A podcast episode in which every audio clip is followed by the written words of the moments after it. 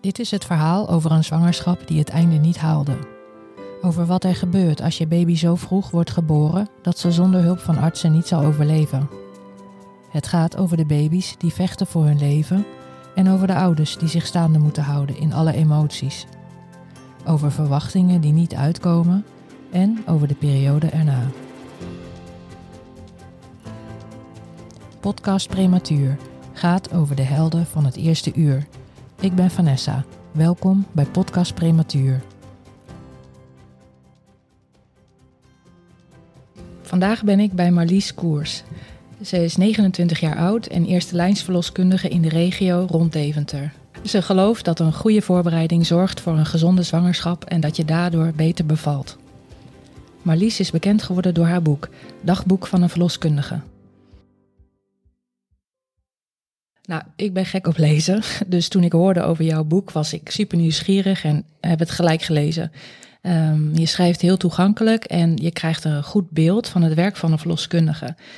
Wat mij opviel, was dat je begint met een verhaal van een vrouw die te vroeg bevalt met 20 weken. Klopt. Waarom koos je ervoor om het boek met dit verhaal te beginnen? Nou, allereerst dankjewel dat je mijn boek wilde lezen. Heel fijn. En dankjewel dat je me in de podcast hebt uitgenodigd. Uh, nou ja, de reden waarom ik eigenlijk direct met zo'n heftig uh, verhaal ben begonnen, is om uh, het spanningsveld te laten zien van het beroep verloskundige. En dat had elke andere complicatie kunnen zijn, maar het gaat erover dat ik op een feestje sta in verband met het toetreden tot de maatschap van de verloskundige praktijk. Maar ik word weggebeld op mijn eigen feestje, omdat hmm. een cliënt mij nodig heeft, omdat ze te vroeg gaat bevallen. En ik ga, ik laat mijn, uh, mijn vrienden en familie achter in mijn mooie jurk op hakken. En ik pak mijn verlostas en ik ga. Omdat verloskundigen dat altijd doen. Als er een cliënt uh, in nood is, of dat nou baringsnood is of wat anders, dan pak je je spullen en dan ga je. Hmm. En uh, dat wilde ik graag laten zien. Je direct in mijn leven zuigen. Mhm. Wat uh, even onvoorspelbaar als mooi als heftig is. Mm. Dat is de reden. En het contrast is ook zo groot, hè? Want uh, uh, het liep helemaal niet goed af met de vroeggeboorte. Nee, helaas niet. Nee. Omdat het echt veel te vroeg was, nog voor 20 weken. Mm. Dit kindje had helaas geen enkele kans op leven. Maar ja, moeder had natuurlijk wel zorg nodig. Dus dat is de reden dat je daar wel naartoe gaat. Mhm. Ja. En daarna was het ook geen feestje meer. Toen was het feestje klaar. Klopt. Ja, en dat, dat beschrijf ik ook, dat je uh, nadat je die zorg hebt gedaan, ik heb die moeder natuurlijk overgedragen aan het ziekenhuis. Ja, daarna kom ik wel thuis. Toen in mijn mooie jurk nog steeds op hakken. Ja, ja dan, dan trek je de schuifjes uit je haar en ga je onder de douche staan. En um, ja, dan komen al die emoties nog een keer voorbij. Mm. En ja, dit is helemaal niet iets wat heel vaak voorkomt, maar ik vond het wel heel typerend voor mijn leven als verloskundige. Hmm. Wat heel vaak in het teken staat van uh, zwangere vrouwen en hun babytjes en de partners die daarbij horen. Hmm.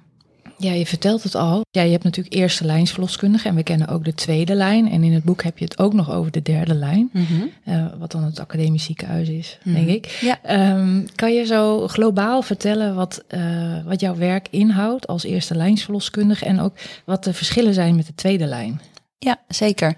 Um, als eerste lijnsverloskundige ben je uh, het aanspreekpunt voor uh, zwangere vrouwen en hun partners, als die er zijn. En begeleid je dus uh, traject van zwangerschap, bevalling, kraamtijd. En we doen ook een stukje kinderwensconsulten, anticonceptie. Dus eigenlijk loop je mee met een zwangere en haar partner in die negen maanden na de geboorte van een kind. Mm -hmm. En het verschil met de tweede lijnsverloskundige uh, tweede lijn betekent eigenlijk gewoon ziekenhuiszorg. Dus een mm -hmm. tweede lijns verloskundige is een klinisch verloskundige werkzaam in een ziekenhuis. Mm -hmm. En zij um, doen dus niet het werk wat een praktijk doet, maar zij werken onder supervisie van de gynaecoloog. Dus de vrouwen die nog onbekend zijn uh, met een, een, een vroeggeboorte, die, die, die komen eigenlijk bij, bij jullie, bij jou. En nou ja, dan zijn jullie, zoals je net zei, het eerste aanspreekpunt van deze vrouw. Um, als een vrouw dan belt en met klachten die uh, starten als een te vroege bevalling, um, die lijken dan soms op normale zwangerschapskwaaltjes. En dat is iets wat ik heel vaak hoor. En kan je hier voorbeelden van geven? Ja, zeker. Kijk, ehm, het feit dat je aanspreekpunt bent, betekent dat je uh, heel veel vragen beantwoordt van zwangeren. En dat gaat over normale zwangerschapsklachten, maar soms ook over klachten die niet meer onder het kopje normaal vallen. En um, dat zijn geregeld vragen over bijvoorbeeld harde buiken. Mm um, harde buiken zijn eigenlijk niets anders dan het samentrekken van de baarmoeder. En zolang daar geen regelmaat in zit, is het vaak een teken dat je baarmoeder aan het oefenen is. Of dat je bijvoorbeeld wat te druk bent geweest hè, qua overbelasting. Maar als zwangere vrouw is het best lastig om dat onderscheid te maken. Want als mhm. jouw buik elke keer hard wordt, elke tien minuten, dan denk je waarschijnlijk, hé, hey, dit is niet iets wat ik normaal heb. Um, ja, je wil niet te vroeg bevallen. Dus dan overleg je met je verloskundige praktijk. Mhm. Dus dat soort vragen krijgen we heel veel. En dat is alleen maar goed. We mhm. hameren er ook op dat vrouwen laagdrempelig met ons bellen. Mhm. Om te checken van, hey, is dit normaal? Uh, is dit niet normaal? Mm Daar ben je wel druk mee. Mm En, en hoe zijn voor een verloskundige deze klachten in te schatten, het, het beste en te monitoren? Um, en ook serieus te nemen als wel degelijk tekenen van een te vroege bevalling dan een zwangerschapskwaal. Want ik las, las het in je boek, hè, eh, maar ik hoor ook wel over urine. Dan is er afscheiding of dan komt er vocht tevoorschijn. En dan eh, vragen vrouwen zich af, is het urine of ehm, is het uh, wellicht vruchtwater? Mhm. vooral dat voorbeeld. Kan je, kan je daar meer over vertellen? Ja, um, nou ja, voor, voor vrouwen is het um, lastig als zij vocht verliezen in de zwangerschap. Uh, laat ik vooropstellen dat de vagina beter doorbloed is. Dus je hebt sowieso meer afscheiding als zwangere. Mm -hmm. En dit is soms gewoon heel vloeibaar. Dus dit lijkt af en toe op water.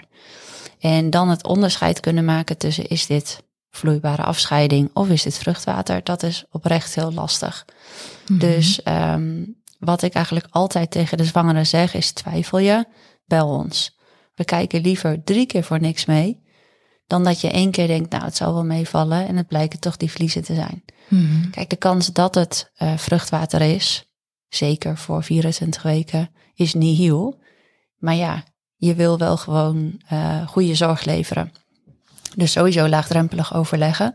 En wat ook een goed punt is, voor die 24 weken is je kindje nog heel klein. Dus als dan de vliezen breken, zie je vaak dat het vochtverlies behoorlijk veel is. Ik weet niet hoe jij dat ervaren hebt, maar volgens mij was het bij jou een keizersnee. Hè? Dus jij hebt niet mhm. überhaupt gebroken verliezen gehad, toch? Mm, een, een, lekkage. Oké. Dus, uh, dus niet ineens een flatsch moment. Maar ja, wel dat er wel behoorlijk wat uh, uitlekte, ja. Ja, dus dan herken je ook, dan denk je, hé, hey, mijn, mijn onderbroek is nat. Dit lijkt me niet normaal. En... Nou, ik moet zeggen, 24 weken was zo vroeg uh, dat ik geen moment heb gedacht aan vruchtwater. Um, en um, ik dacht dat ik incontinent was geworden. Mm. En uh, ik was in het huis van mijn moeder, dus ik riep mijn moeder naar boven. En, en die, stel je voor, die heeft ook twee kinderen gebaard, maar zij dacht ook dat het urine was. -hmm. um, dus, en, en daarnaast, naast het feit dat wij dat niet konden onderscheiden, was het ook ik zag helemaal niet uh, de spoed, realiseerde ik me helemaal niet. Ik was compleet in de war. Ik dacht dat ik uh, incontinent was geworden. En het heeft ook nog uren geduurd voordat ik überhaupt naar het ziekenhuis ben gegaan. Ja, dat snap ik heel goed. Omdat je helemaal niet bewust bent van het feit dat je mogelijk zo vroeg bevalt. Hmm. En dat zullen heel veel vrouwen met jou hebben. Dus dat is helemaal geen gekke gedachte. En het is ook best lastig te onderscheiden, kan ik je vertellen hoor. Oké. Okay. Um, ehm, nou ja, ik heb dus niet heel veel meegemaakt hoor, zo vroeg. Immatuur, hè, zoals wij dat dan noemen. Immatuur? Uh, immatuur. Ja. Immatuur. Ja, je hebt prematuur, um, wat nou ja, een beetje te vroeg is. Een kindje bij 35 weken is twee weken te vroeg, dat noemen we prematuur. Maar eigenlijk um, voor die 27 weken noemen we dat immatuur. Aha. Dus Vince is ook immatuur geboren. Ja. Um, maar in ieder geval dan um, vochtverlies onderscheiden is oprecht heel lastig.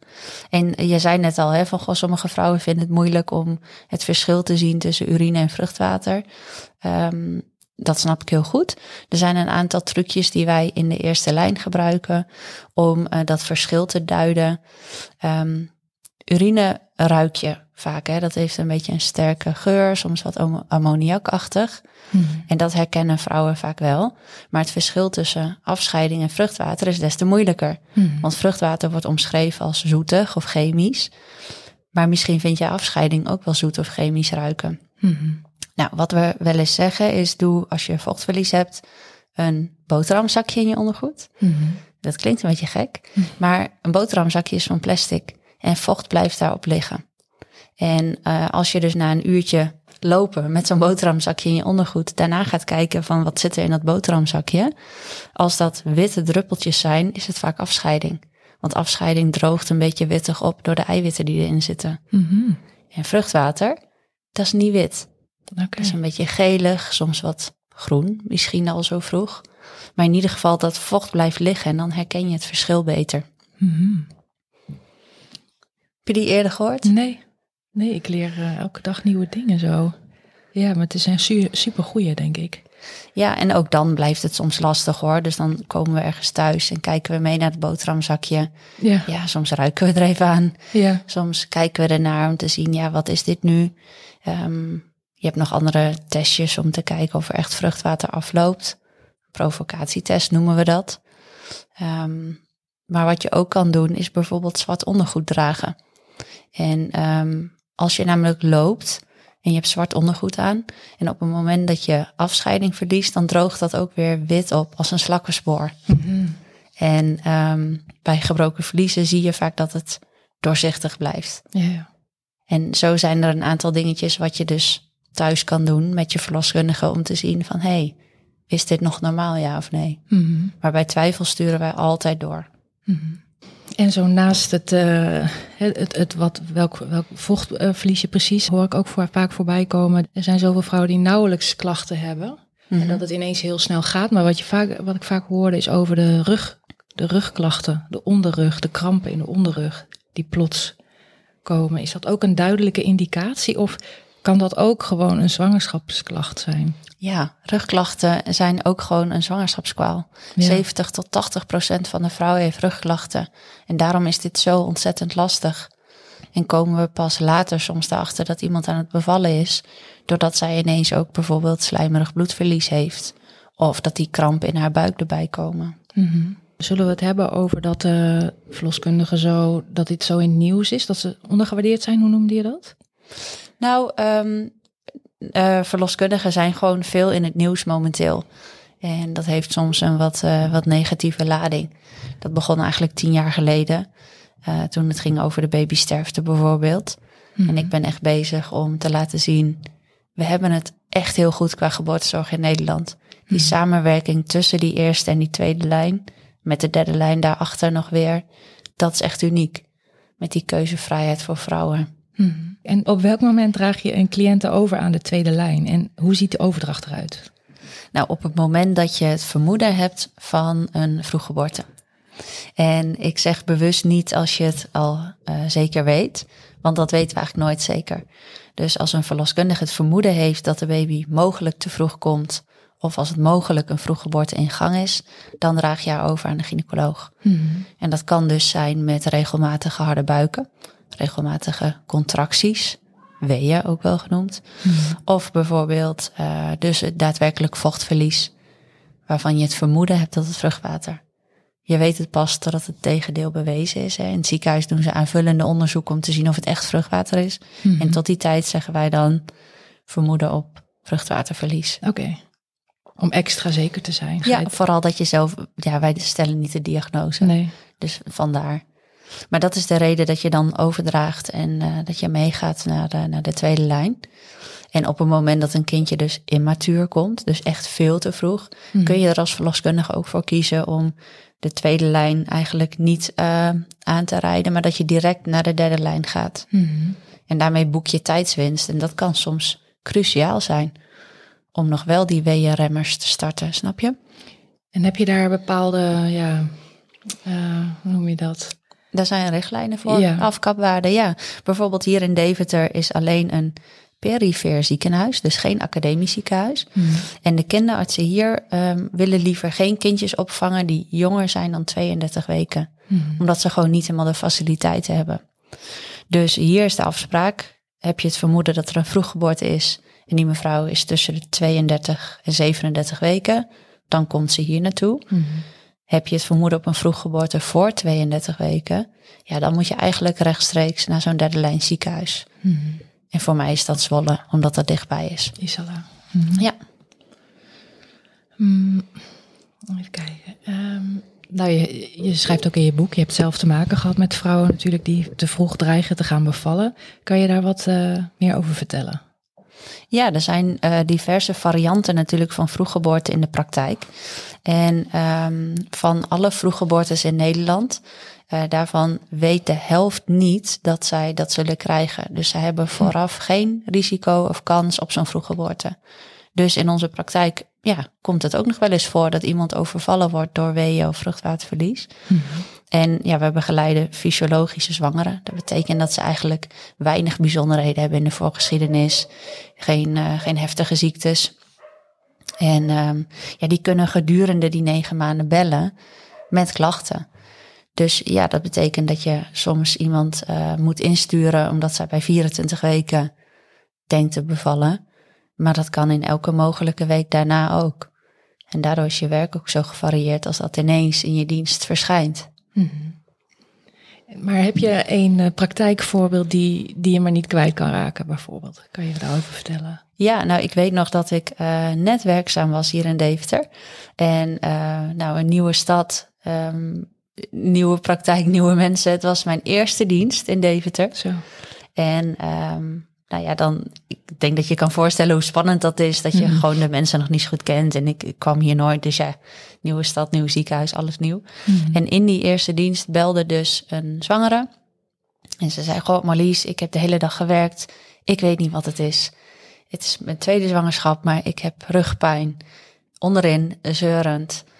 Mijn buik doet een beetje zeer. Het lijkt wel wat regelmatig, maar ik, ik weet het, ik vertrouw het niet. Ik zei, nou, kom bij je kijken. Dus ik op mijn dode gemakje met de auto daar naartoe. En ik dacht, ik kan sowieso even het hartje luisteren en kijken hoe het, eh, hoe het gaat. Maar bij binnenkomst zag ik direct dat dit echt veel meer was dan alleen rugpijn. Want ze was echt wee aan het wegzuchten. Zo. Maar ze was nog maar 27 weken. Dus ik dacht, oh, veel te vroeg. En ehm, ze wilde heel graag doen een inwendig onderzoek. Om te zien of ze echt aan het bevallen was. Dus dat heb ik gedaan. En toen bleek ze echt al halverwege te zitten met de ontsluiting. Zo. Ja, en toen moest ik in een split second een keuze maken. Gaan we dus verder rijden naar die academie, omdat ze eigenlijk niet hier kan bevallen in Deventer. Of gaan we gewoon ziekenhuiszorg regelen en dan zien we wel hoe ver we komen. Onmogelijk, toch? Het Hoe was- kan je dat inschatten? Ja, je doet dat ad hoc. Maar ik dacht, ik kan niet nu naar die academie, wat bijna drie kwartier rijden is voor ons. Dus, eh, ik denk dat, lang. ja, ik denk dat we het niet redden. Dus eh, toen heb ik ervoor gekozen, in overleg met hun uiteraard, Hmm. van zullen we toch hier naar Deventer gaan? En zij had alleen maar zoiets van, doe het, we gaan gewoon. En ehm, ja, ze, ze ging als een razende. Dus bij binnenkomst in het ziekenhuis had ze acht centimeter. En ik zag de gynaecoloog rennen en de neonatoloog werd opgetrommeld. Die eigenlijk natuurlijk ook niet gewend is aan een kindje van deze termijn. Maar ook zei, we gaan ervoor. En eh, ja, binnen no time was die baby geboren. Zo. En die had een gelukkig goede start. Fantastische opvang. En ik dacht, dit is alles beter dan in de, in de auto. Ja.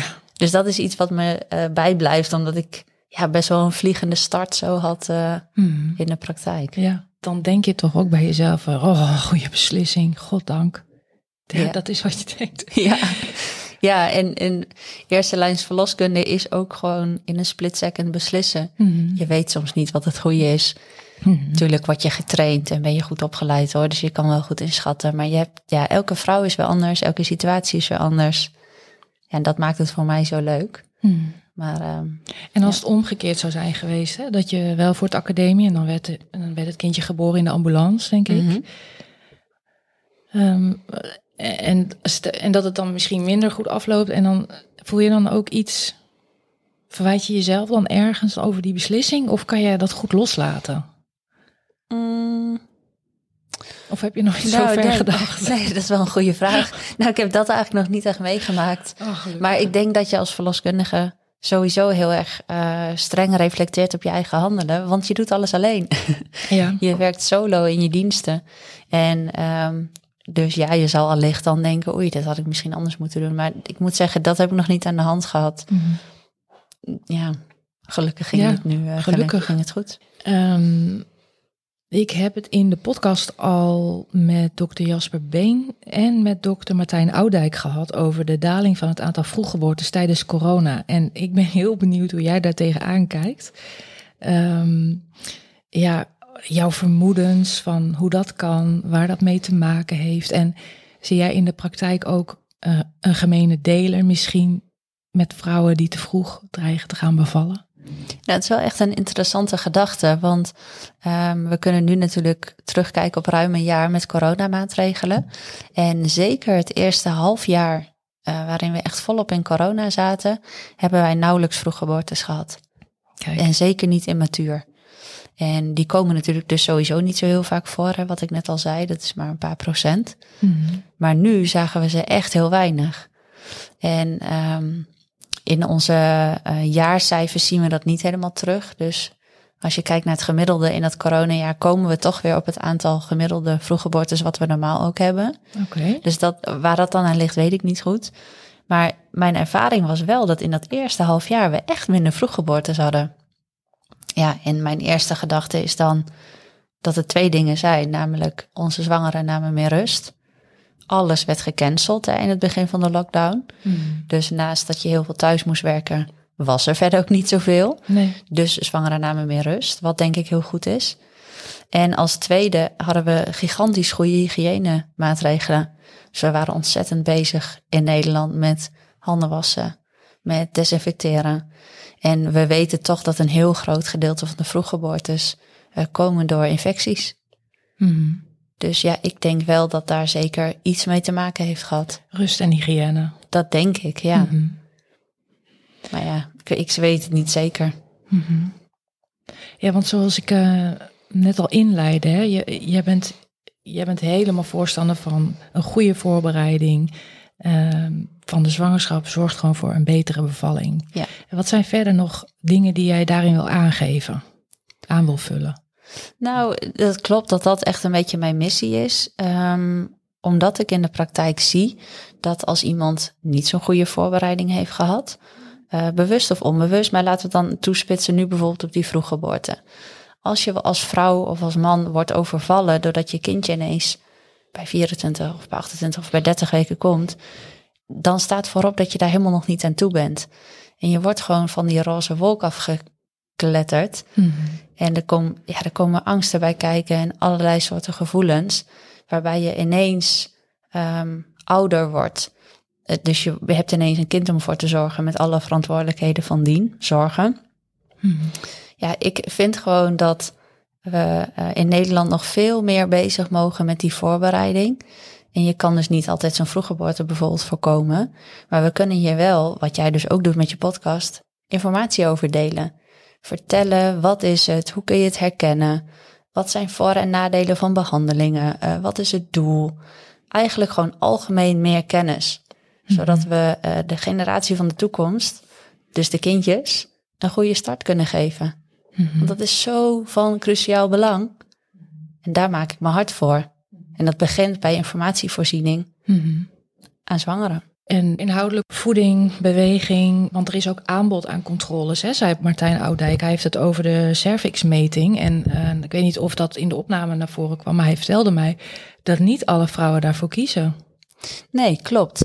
Dat merk ik eh, in de praktijk ook. Ehm, ja, je krijgt de keuze om opgevolgd te worden hè, bij de gynaecoloog. Om cervixlengtemetingen te doen, dus die baarmoederhals te bekijken. Van hoe lang is die? Wordt die korter? Staat die misschien al wat open? Ehm, dat brengt ook onrust met zich mee. En niet elke vrouw wil dat. Weer die echo's, weer naar het ziekenhuis, weer die potentiële onzekerheid. Gaat dit wel goed? Um, maar er is ook een groep vrouwen die zegt, ja, elk meetmoment wat ik kan aangrijpen, grijp ik aan. Dus, en dat is beide oké. Dat Mhm. hoort ook bij informatievoorziening. Als je maar weet, wat is dan het herhalingsrisico? En wat bekijken ze dan bij zo'n echo? Wat is het voordeel als je het wel doet? Wat is het nadeel als je het niet doet? Um, ja, die openheid is belangrijk. En dan mag je zelf als vrouw en partner kiezen wat bij jullie past. Mhm. En dat is in mijn optiek helemaal oké. Mhm. Veel beter dan dat ik erdoor zou drukken. Jij moet die cervixlengte metingen. Mhm. Ik denk dat er ook iets speelt als een algehele bewustwording van de mogelijkheid op het meemaken van een vroeggeboorte. Wat zouden we daar meer aan kunnen doen? Want ik merk gewoon, die roze wolk is gewoon super sterk. Dat rozige beeld van hè, die, die, die voldragen baby in je kraamtijd, dat is waar we allemaal naartoe streven op het moment dat wij die zwangerschapstest positief zien. Maar het is natuurlijk een balans zoeken, dus niet angst aanjagen aan Mhm. een zwangere of negatief erin gaan, versus wel je mensen ervan bewust maken, er is wel een mogelijkheid dat dat gebeurt. Ja. Maar de opvang is goed, meer op die manier. Mhm. Wat kunnen we daar nog meer aan doen? Heb jij daar ideeën over? Ja, dat is echt een lastige vraag. Want dat is denk ik continu de balans die je moet zoeken tussen welke informatie geef je en wanneer is het te veel. Dus wanneer maak je iemand bang. Ehm, ik denk dat het, als ik kijk naar puur mijn vak, dan begint het bij een stukje bewustwording. En ehm, dus ook zorgen dat je laagdrempelig bent. Dus leg die zwangeren uit dat zij klachten kunnen krijgen. eh, maar dat er bepaalde klachten zijn waar je altijd mee moet bellen. Dus dan heb ik het over die eh, regelmatige krampen, bloedverlies, vochtverlies, ehm, bovenbuikspijn. Bijvoorbeeld er zijn er een aantal waar je mee moet bellen. Ehm, ik denk dat dat zou helpen met dat zwangeren in ieder geval voelen, ik mag hiervoor bellen. Ik word niet afgewimpeld met het feit dat iemand zegt, oh het zal wel een blaasontsteking zijn, want dat hoor ik gewoon best nog wel veel terug. Ehm, daar moeten we vanaf. Mhm. Liever vier keer voor niks kijken dan één keer te weinig. Mhm. Want zo'n vroeggeboorte, joh, dat heeft me toch een impact. Niet alleen op, op ouders, maar ook op dat kindje. Mhm. In die eerste duizend dagen, ehm, dus vanaf conceptie, hè, de bevruchting tot aan dat het kindje twee is, daar hebben we goud in handen. En ik geloof echt als we met elkaar, niet alleen in de geboortezorg hoor, maar echt in de medische wereld, met onderwijs, in het bedrijfsleven, gewoon de maatschappij.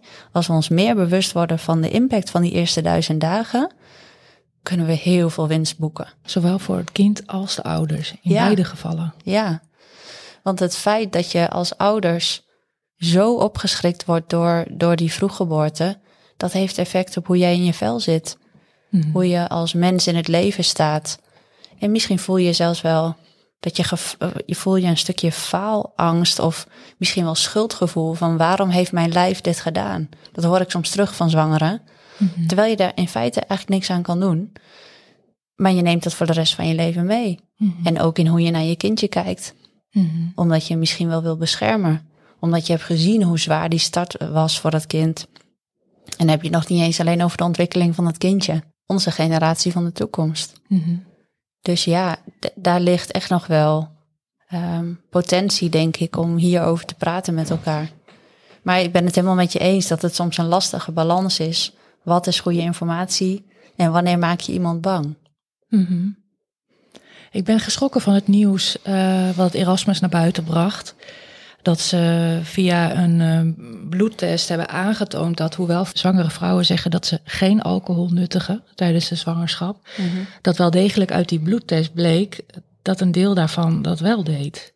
En, ehm, en, ze, en volgens mij was niet bekend dat die bloedtest dat twee weken terug kon kijken. Nou ja, daar zijn vrouwen dus niet open en eerlijk over. En, maar wat natuurlijk daaraan opvalt, is dat je daar ziet dat er onvoldoende bewustwording is. Ik denk wat een zwangerschap van je vereist. Ja, Dus ik denk dat er te luchtig over wordt gedacht dat het eigenlijk bijna topsport is. En dat je het zo zou moeten behandelen. Ja. ja, en ik denk, dan kom je toch ook weer bij die eerste duizend dagen. Dat zijn bepaalde groepen mensen. En ehm, want de mensen die niet drinken, dat zijn vaak ook de mensen die weten dat ze foliumzuur moeten gebruiken en dat ze ook niet moeten roken. En dat bewegen goed is, maar nou ja, die zijn goed ingelezen en die weten zeg maar ehm, ja, dat, dat zwanger zijn topsport is en dat je dat zo gezond mogelijk wil doen. Maar helaas ja, krijgt niet elke ongeboren baby dat mee van zijn moeder. Omdat sommige vrouwen inderdaad toch drinken. Sommige bewust, sommige ook onbewust. Ik werk in een, in een stadspraktijk en de helft van de mensen leeft onder de armoedegrens. Sommigen weten niet eens wat gezonde voeding is. Of snappen dat alcohol niet slim is. Die zeggen, ja, maar het is toch... Een tijdje terug nog iemand die zei... oh, maar ik drink eigenlijk alleen Capri-Sonne... want daar staan fruitjes afgebeeld op de voorkant... en witte wijn, want dat is gemaakt van druiven. Dat wordt gewoon echt gezegd. Ja. En dan denk ik, oh, we hebben nog zoveel te doen. Ja. En ik zie daar wel de uitdaging hoor, omdat ik denk, ja, we, we moeten hier echt wat mee. Dus ik zei net al, van die eerste duizend dagen komt vanuit de overheid ook, hè, een kansrijke start bieden. Dus ook aan die kwetsbare zwangeren. En nou vind ik een kwetsbare zwanger altijd een beetje een lastige term, want dat bepaal je dan van hoger af, van hoger hand, dat iemand een kwetsbare zwanger is, ja of nee. Dat is best wel stigmatiserend en je Mhm. plakt een label op iemand. Maar ik denk dat overkoepelend het doel duidelijk moet zijn dat we ehm, met z'n allen stimuleren in een goede eerste duizend dagen. Mhm. Ja, helemaal mee eens. Als vrouwen na een eerdere vroeggeboorte nog een kinderwens hebben, dan wordt hen geadviseerd ehm, eerst voor een preconceptioneel onderzoek te gaan bij een gynaecoloog in het ziekenhuis. Ik had het er met Martijn Oudijk over. En laatst nam eh, een dame contact met mij op en die vertelde over dat, eh naar aanleiding van, van het horen van de, deze podcastaflevering, ging een vriendin naar de huisarts eh, van, hey, dat preconceptioneel onderzoek en dat zou ik graag willen ondergaan, want ik heb een vroeggeboorte gehad. Nou, en die huisarts die vond dat onzin. En ehm, ik was erg verrast eh, door deze reactie. Hoe zit dat eigenlijk met een preconceptioneel onderzoek? Hebben wij daar recht op? Is een arts min of meer verplicht om door te verwijzen? En, en verloskundige kan ook doorverwijzen, of niet? Ja, klopt. En we doen ook zelf preconceptionele consulten. Ehm, het verrast mij ook, eerlijk gezegd. Want ik weet dat eh, huisartsen in Nederland normaal gesproken heel bereidwillig zijn om hier aan mee te werken. Ehm, je hebt ongeveer een herhalingskans van 15% op een vroeggeboorte. En ehm, ja, het lijkt me ontzettend verstandig dat als je zo'n vroeggeboorte in de anamnese hebt, dus in je voorgeschiedenis, en je hebt een kinderwens, om hierover in gesprek te gaan. Want eh, doordat je die herhalingskans hebt, wil je graag een goed plannetje maken. En niet alleen voor de onderzoeken die je mogelijk gaat doen in de zwangerschap. Hè. We hadden het al over die cervixlengtemetingen. Maar ik kan me voorstellen dat het ook ontzettend spannend is. Mhm. En dat je het misschien niet aandurft, want weer je leven op de kop. En misschien heb je het net een beetje op een rijtje met je vorige kindje. Dus ehm ah, laten we vooral zien dat heel veel huisartsen wel doorverwijzen. Mhm. Ehm, daar heb je recht op. Dat wordt ook vergoed in Nederland, dus dat moet je gewoon doen. En je bent altijd welkom om ook bij de verloskundige te komen praten. En dat maakt dus niet uit als je de vorige keer bij de gynaecoloog bent geweest. Ook al ben je geen cliënt geweest, geen probleem. Meld je aan, doe dat gesprek en laat je eventueel doorverwijzen. Ja. Echt geen probleem. En ik ben nieuwsgierig over jouw boek. Eh, hoe ben je zo tot het boek gekomen?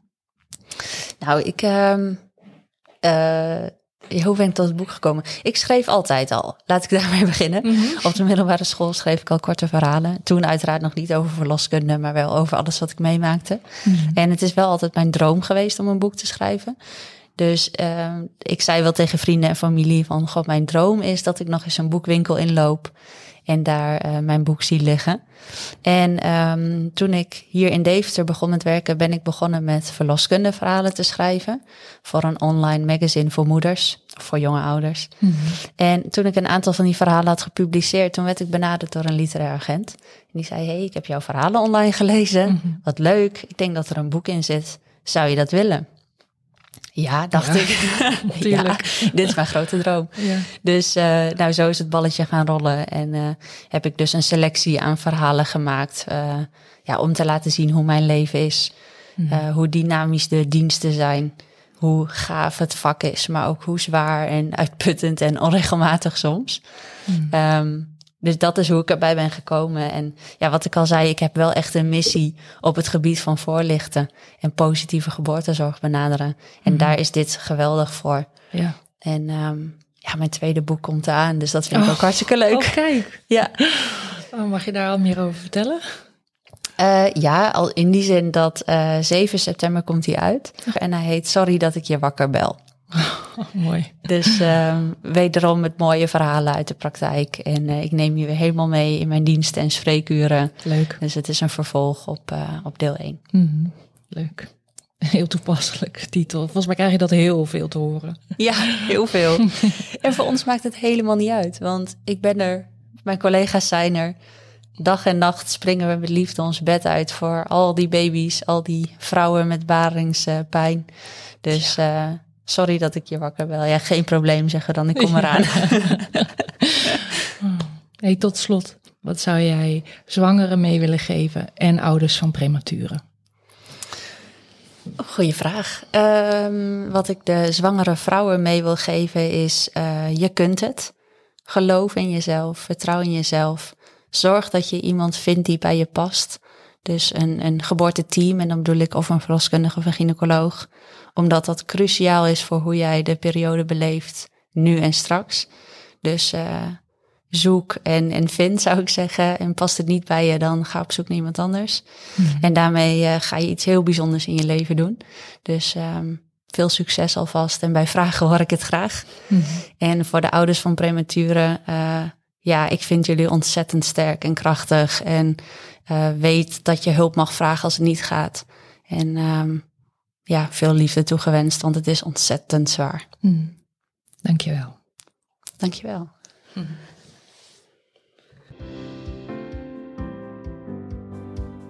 De eerste duizend dagen. Een goede campagne vanuit de overheid opgezet om kwetsbare zwangeren te bereiken en te helpen. Uiteraard helpt het ons allemaal, omdat we ons des te bewust worden van hoe cruciaal die eerste twee jaar van een kind eigenlijk zijn. Als ouders van prematuren realiseren we ons dat als geen ander. Dat is misschien ook wel een gedeelte van onze pijn. Dat we soms denken dat het aan ons te wijten is dat ons kindje een belangrijk deel van zijn ontwikkeling mist. Ten eerste hoorden we vandaag ook weer dat een vroeggeboorte geen zelfverwijt treft. Je kan er weinig aan doen. En verder dat er na de ziekenhuisopname nog voldoende tijd rest waarin je wel invloed hebt op de ontwikkeling van je kindje. Van Marlies heb ik vandaag nieuwe dingen geleerd. Over het verschil tussen normale kwaaltjes en een dreigende vroeggeboorte, maar ook wat een bijzonder beroep ze eigenlijk heeft. Je moet er echt voor in de wieg zijn gelegd. Een onregelmatig leven tig dezelfde vragen van zwangeren beantwoorden, vaak stand-by zijn, soms moeilijk ad hoc beslissingen kunnen nemen. Maar bovenal denk ik het geluk om echt het verschil te kunnen maken voor een gezin. Passie voor je vak. Ik vond het interessant om haar boek te lezen. Die zit natuurlijk vol met verhalen uit haar praktijk, dus natuurlijk ook over voldragen zwangerschappen met wolkjes van baby's. Maar ook met vroeggeboortes. En ook over kindjes die zijn overleden. Over het echte leven dus. Toen ik bij de kassa stond met het boek in mijn handen, flitste het even door mijn hoofd. Zal het niet pijnlijk zijn, de confrontatie met rozige zwangerschappen en bevallingen? Maar toen ik eenmaal thuis lang uit op de bank lag, heb ik het in één ruk uitgelezen, zonder verdriet of pijn en juist vol verwondering over het contrast wat het leven vaak is en bewondering voor het vak van verloskundige. Zoals Marlies zegt, even onvoorspelbaar, mooi als heftig. podcast Prematuur over de helden van het eerste uur. Gemaakt door mij, mama van zo'n held.